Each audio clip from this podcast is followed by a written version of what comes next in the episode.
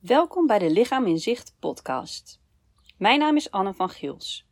Ik ben arts en psychotherapeut en ik heb me gespecialiseerd in lichamelijke klachten waar geen duidelijke medische verklaring voor is. Via Instagram, mijn blog en deze podcast deel ik met alle liefde mijn kennis en ervaring over dit onderwerp. Want voor een probleem dat ontzettend veel voorkomt, wordt er maar bar weinig aandacht aan besteed. In deze vijfde aflevering wil ik het met je hebben over het thema aandacht. Aandacht geven aan je klachten. Zoals je misschien trouwens wel kunt horen aan de vogelgeluiden, zit ik momenteel buiten in mijn tuin, omdat het te mooi weer is om binnen te zitten. Maar goed, terug naar het onderwerp. Een uh, vraag die ik vaak krijg is: moet ik mijn klachten zo min mogelijk aandacht geven? Doen alsof ze er niet zijn en er niet over praten? Of is dat juist niet behulpzaam? Want, zeggen mensen dan tegen me, ik hoor ook vaak dat ik moet luisteren naar mijn lichaam. Nou, ik denk persoonlijk dat er twee valkuilen verbonden zijn aan dit thema. En dat maakt het tegelijkertijd ook wel ingewikkeld. De eerste valkuil is namelijk om te veel aandacht te geven aan je klachten. En dat gebeurt denk ik met name als je klachten angst of spanning met zich meebrengen. Als je dan iets vervelends voelt in je lijf, word je als het ware helemaal alert. Je gaat je extra focussen op wat je voelt en al je aandacht richt zich op die plek of op dat gevoel. En daardoor kunnen onbedoeld je klachten juist versterkt worden. Je kunt je aandacht nu eenmaal maar op een beperkt aantal dingen tegelijk richten. En als al je aandacht uitgaat naar die klacht of naar dat gevoel, neemt dat je volledig in beslag.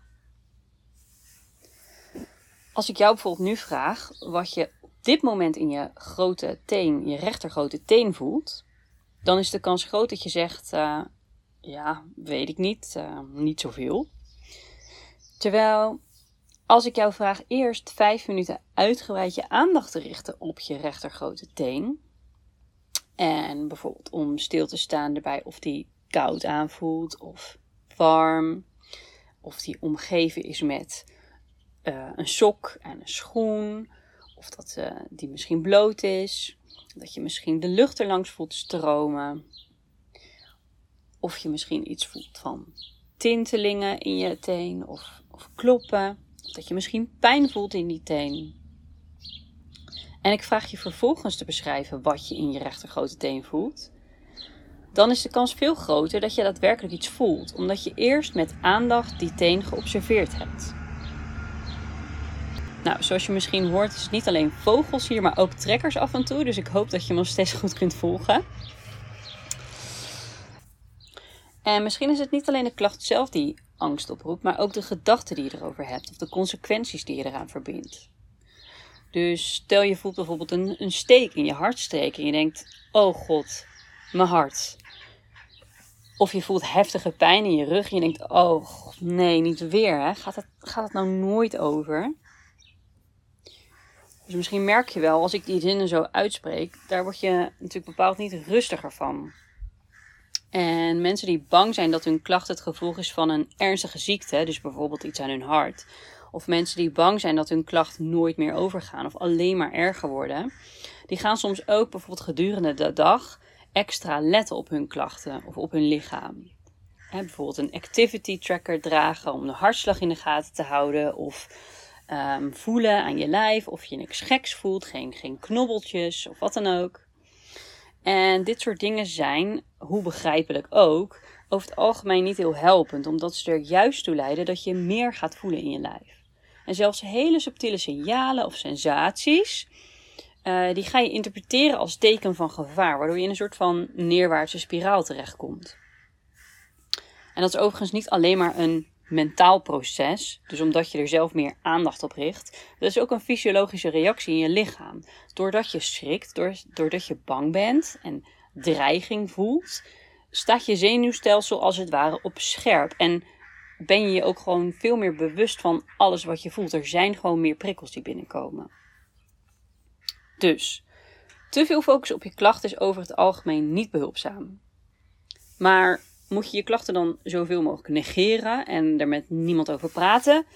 Nou, dat denk ik ook niet per se. Daar zit namelijk weer een andere valkuil aan verbonden.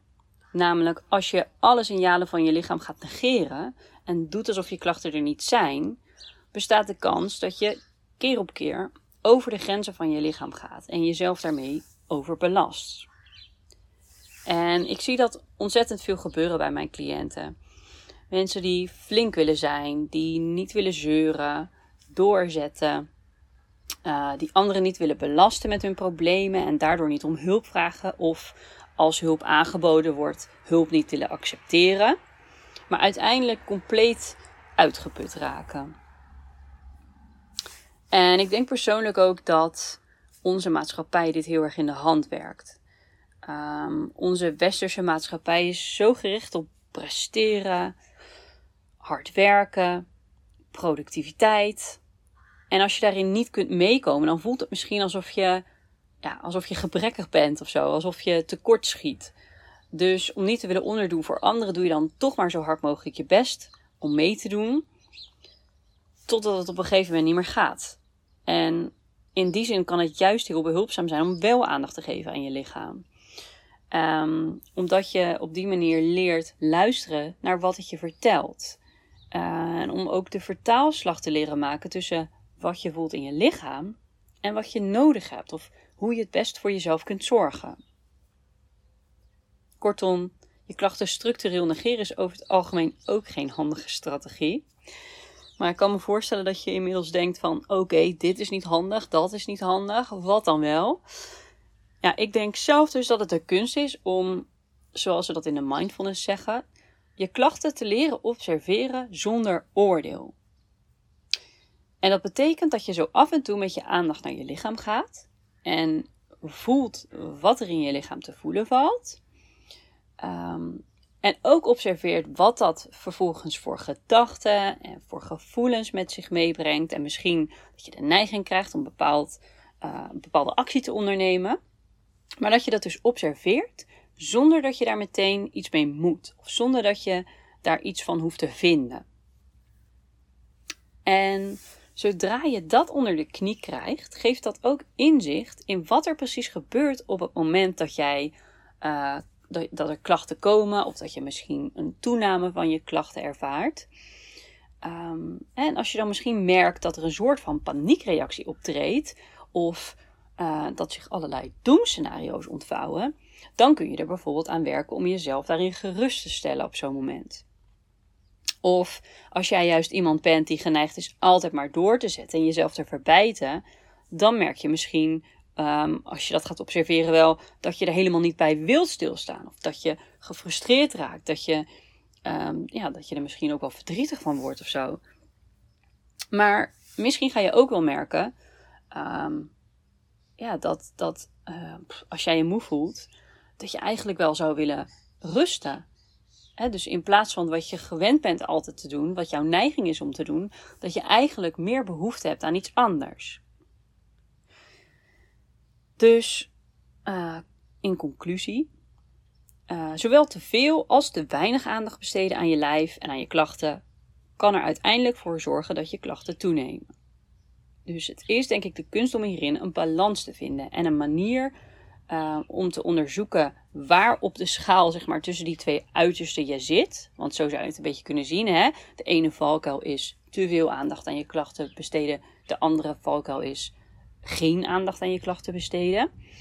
Um, dus om uit te vinden van hoe dat bij jou zit, is door te observeren. Door gewoon zonder uh, actie te ondernemen, zonder er daar een mening over te hebben. Gewoon te gaan kijken wat er nou precies gebeurt op het moment dat jouw klachten toenemen. Nou, ik ben heel benieuwd wat je van deze podcast vond. Als je dat met me wilt delen, bijvoorbeeld via Instagram of via een mail, dan vind ik dat hartstikke leuk. En wat ik tenslotte nog wil toevoegen is, in deze podcast deel ik natuurlijk mijn ideeën en ja, wat algemene patronen die ik vaak terugzie.